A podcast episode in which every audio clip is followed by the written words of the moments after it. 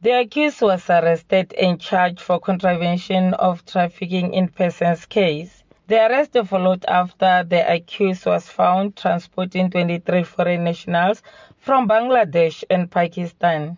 The case was postponed to Thursday, the 23rd of November for bail application. The accused remain in custody.